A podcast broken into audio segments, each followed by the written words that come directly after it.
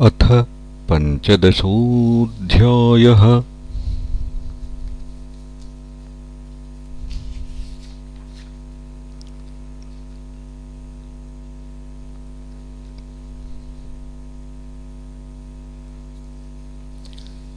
वैकुण्ठधामवर्णनम् तत्र गतानां सनकादीनां जयविजया उद्दिश्य शापदानम् भगवतो दर्शनम् च।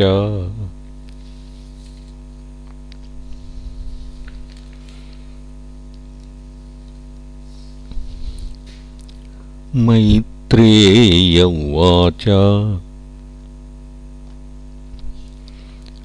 प्राजापत्यन्तु तत्तेजः परतेजोहनम् दितिः दधारवर्षाणि शतम् शङ्कमाना सुरार्दनात्। लोके तेन हतालोके लोकपाला हतौजसः न्यवेदयन् विश्वसृजे ध्वान्तव्यतिकरम् दिशाम्। देव ऊचुः। तमैतद्विभुवेत्थसंविघ्ना यद्वयम् भृशम्।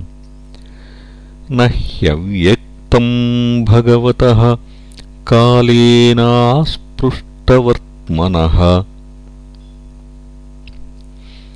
देवदेव जगद्धातर्लोकनाथशिखामणे। परेषामपरेषाम् त्वम् भूतानामसि भाववित्। नमो विज्ञानवीर्याय माययेदमुपेयुषे। गृहीतगुणभेदाय नमस्ते व्यक्तयोनये।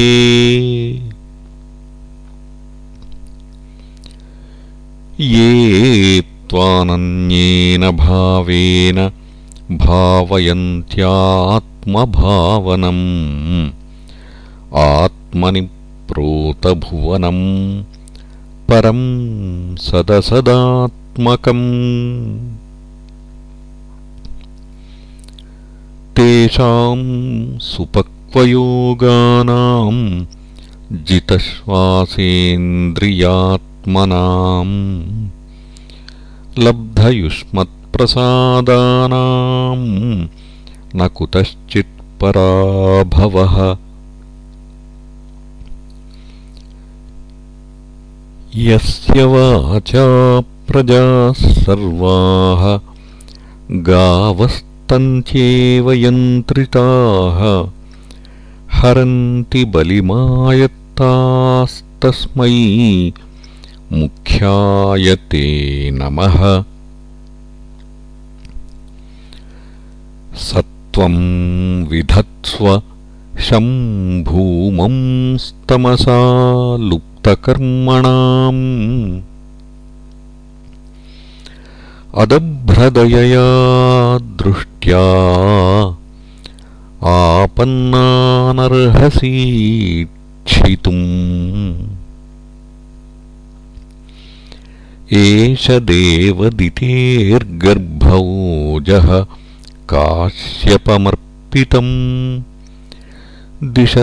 दिशस्तिमिरयन् सर्वा एधतेऽग्निरिवैधसि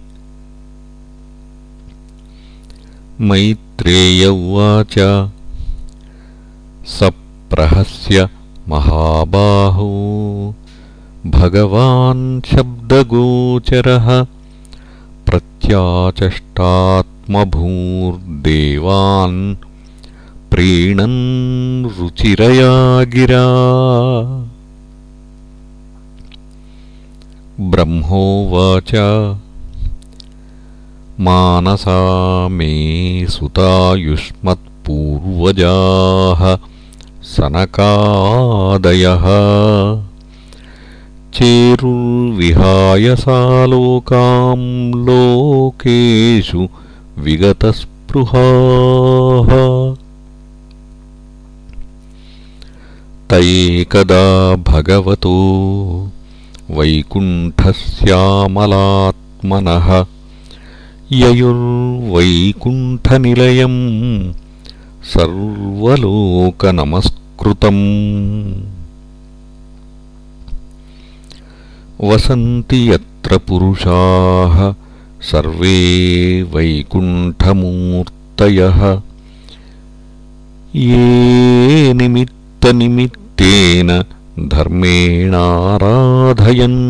हरिम्। यत्र चाद्यः पुमानास्ते भगवान् शब्दगोचरः सत्त्वम् विष्टभ्यविरजम् स्वानाम् नो मृडयन् वृषः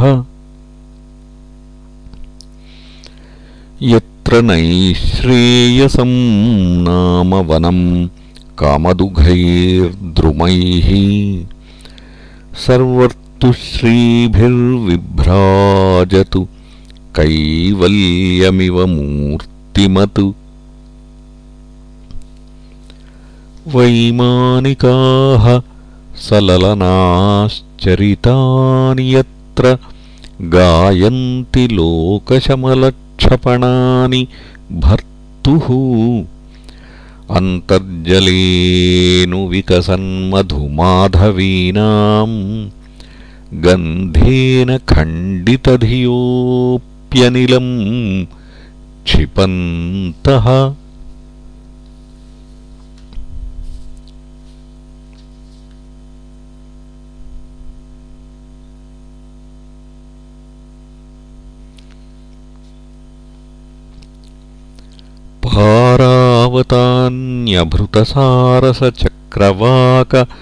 दात्यूहहंसशुकतित्तिरिबर्हिणाम् यः। कोलाहलो विरमते चिरमात्रमुच्चैः। भृङ्गाधिपे हरिकथामिव गायमाने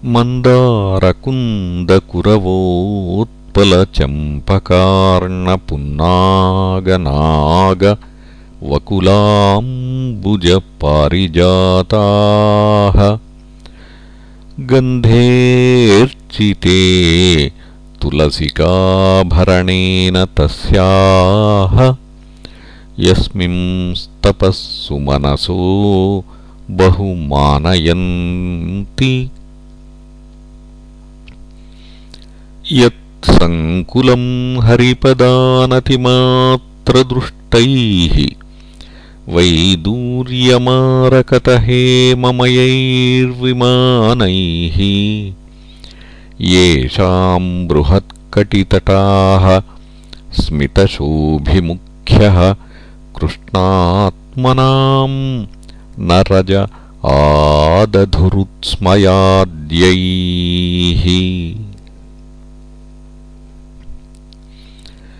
श्रीरूपिणी क्वणयती चरणारविन्दम्। लीलाम्बुजेन हरिसद्मनि मुक्तदोषा। संलक्ष्यते स्फटिककुड्य उपेतहेम्नि। सम्मार्जतीव यदनुग्रहणेऽन्ययत्नः वापीषु विद्रुवतटास्वमलामृताप्सु प्रेष्यान्विता निजवने तुलसीभिरीशम् अभ्यर्चती स्वलकमुन्नसमीक्ष्य वक्त्रम् उच्छेषितम् भगवतेत्यमताङ्ग यच्छ्रीः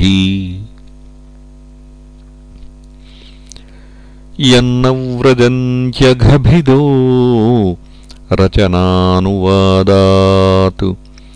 शृण्वन्ति येऽन्यविषयाः कुकथामतिघ्नीः यास्तु श्रुता हतभगैर्नृभिरात्तसाराः तांस्तान् क्षिपञ्चशरणेषु तमःसु हन्त। येऽभ्यर्थितामपि च नोऽनृगतिम् प्रपन्नाः। ज्ञानम् च तत्त्वविषयम् सह धर्म यत्र नाराधनम् भगवतो वितरन्त्यमुष्य सम्मोहिता विततया बत मायया ते।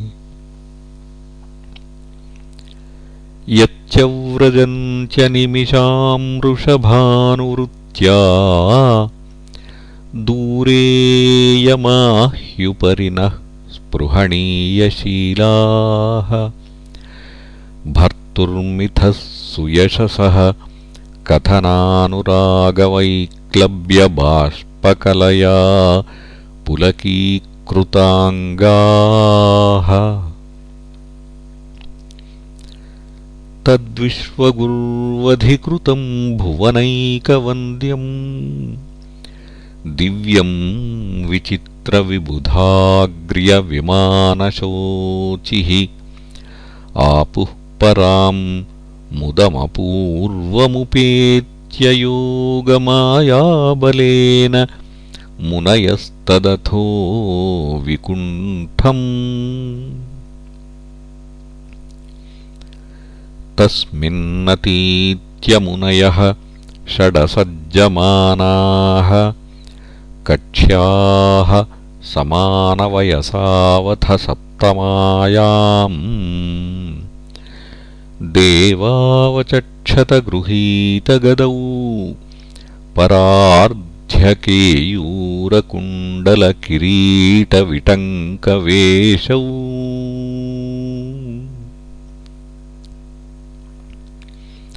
मत्तद्विरेफवनमालिकया निवीतौ। विन्यस्तयासितचतुष्टयबाहुमध्ये वक्त्रम् भ्रुवाकुटिलया स्फुटनिर्गमाभ्याम्।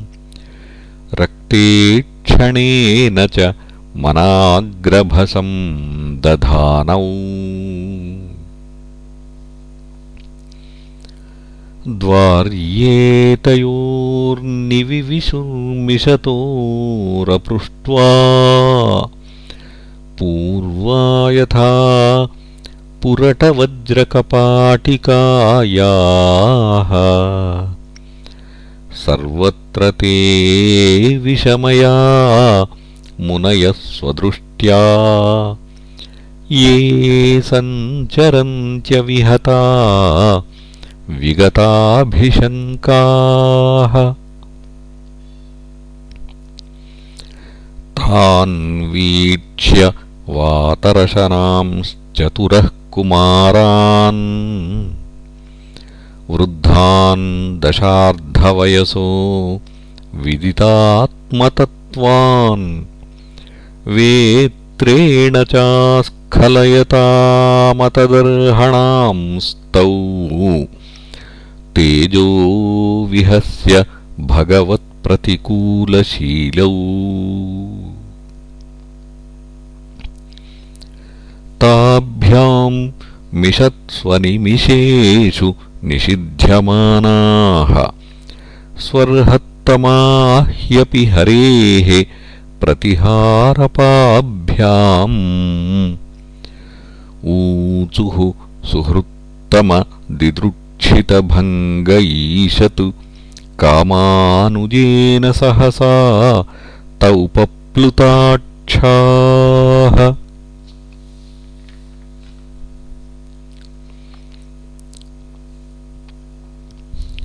मुनय ऊचुः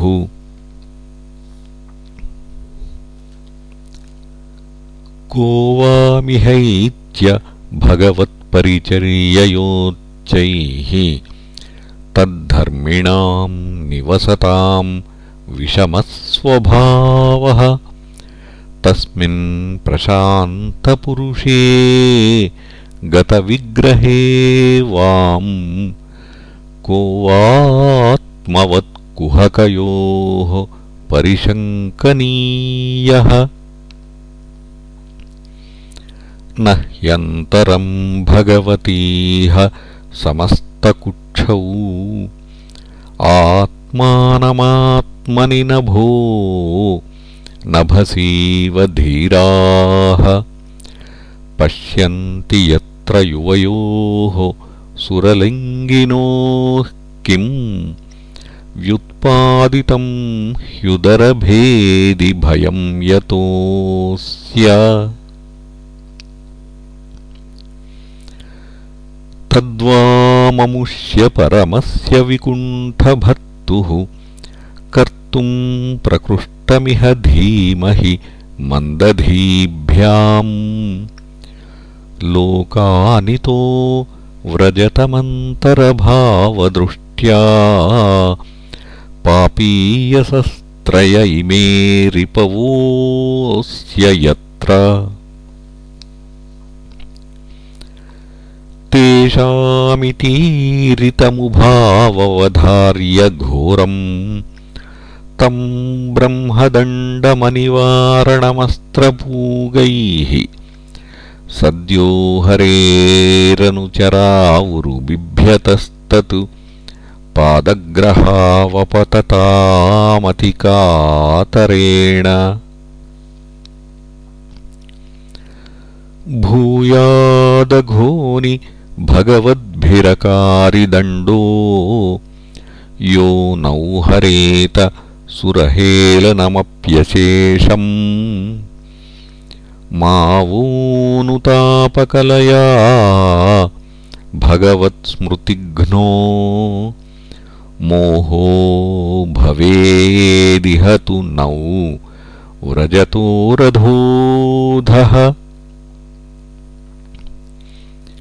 एवम् तदैव भगवानरविन्दनाभः। स्वानाम् विबुध्य सदति क्रममार्यहृद्यः तस्मिन् ययौ परमहंसमहामुनीनाम् अन्वेषणीयचरणौ चलयन् सह श्रीः तन्त्वागतम् प्रतिहृतौपयिकम् स्वपुंभिः। ते चक्षताक्षविषयम् स्वसमाधिभाग्यम्। हंसश्रियोर्व्यजनयोः शिववायुलोलत् शुभ्रातपत्रशशिकि सरशीकराम्बुम्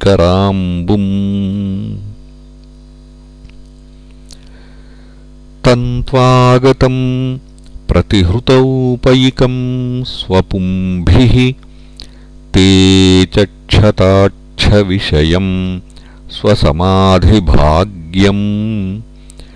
हंसश्रियोर्व्यजनयोः शिववायुलोलत् शुभ्रातपत्रशशिकेसरशीकराम्बुम् कृत्स्नप्रसादसुमुखम् स्पृहणीयधामस्नेहावलोककलया हृदि संस्पृशन्तम् श्यामे पृथावुरसि शोभितया श्रिया स्वः चूडामणिम् सुभगयन्तमिवात्मधिष्ण्यम्। पीतांशुके पृथुनितम्बिनि विस्फुरन्त्या काञ्च्यालिभिर्विरुतया वनमालया च सौष्ठवलयं विनतासुतांसे विन्यस्तहस्तमितरेण धुनानमब्जम् विद्युत्क्षिपन्मकरकुण्डलमण्डनार्हगण्डस्थलोन्नसमुखम् मणिमत्किरीटम् दोर्दण्डषण्डविवरे हरतापरार्ध्यहारेण कन्धरगतेन च कौस्तुभेन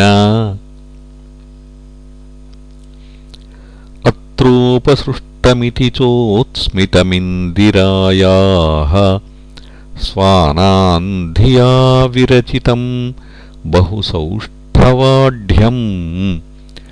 मह्यम् भवस्य भवताम् च भजन्तमङ्गम्। नेमुर्निरीक्ष्य न वितृप्तदृशो मुदा कैः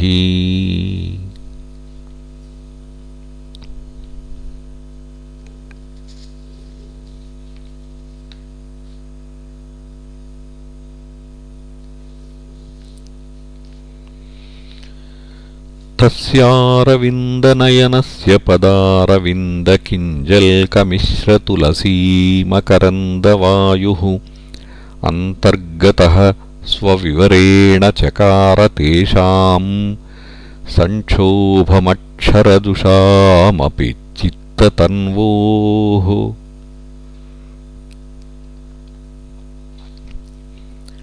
वा अमुष्यवरदासितपद्मकोशम् उद्वीक्ष्य सुन्दरतराधरकुन्दहासम् लब्धाशिषः पुनरवेक्ष्य तदीयमङ्घ्रिद्वन्द्वम् नखारुणमणिश्रयणम् निदध्युः पुंसाम् गतिम् मृगयतामिह योगमार्गैः ध्यानास्पदम् बहुमतम् नयनाभिरामम् पौंस्नम् वपुर्दर्शयानमनन्यसिद्धैः औत्पत्तिकैः समगृणन् युतमष्टभोगैः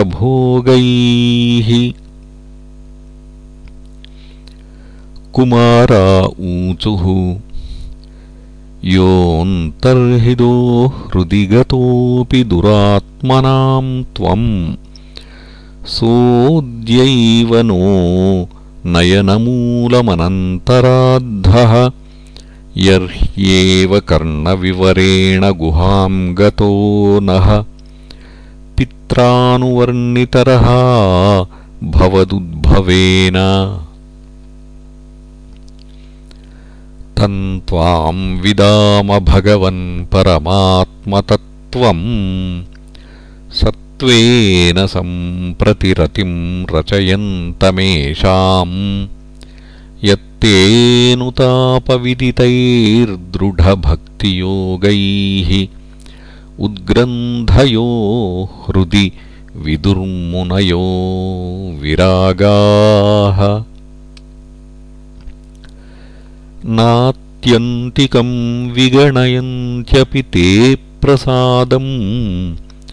किम् त्वन्यदर्पितभयम् भ्रुव उन्नयैस्ते। येऽङ्गत्वदङ्घ्रिशरणा भवतः कथायाः।